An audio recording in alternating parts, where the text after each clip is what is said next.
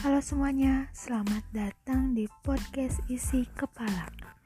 Sebelumnya, gue mau ngucapin terima kasih buat teman-teman semua yang sekarang mungkin lagi dengerin podcast ini.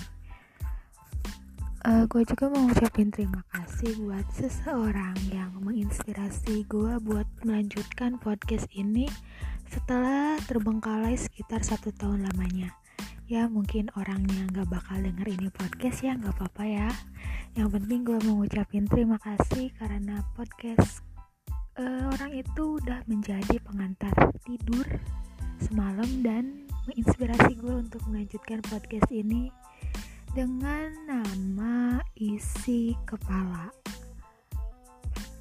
ya jadi ini episode baru di podcast gue yang sudah terbengkalai ini dengan tema isi kepala. Jadi podcast ini bakal uh, apa ya mengisahkan atau menceritakan tentang apa yang ada di isi kepala gua mengenai episode-episode nanti yang akan diangkat di podcast ini. Jadi ya gitu deh pokoknya ya.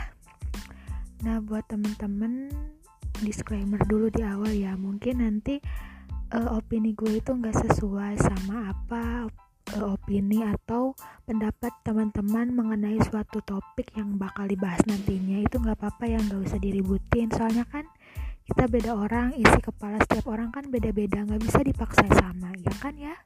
Jadi ya udahlah hargailah sebuah perbedaan. Namanya juga cuman pendapat cuman isi kepala nggak bisa disalahin kan?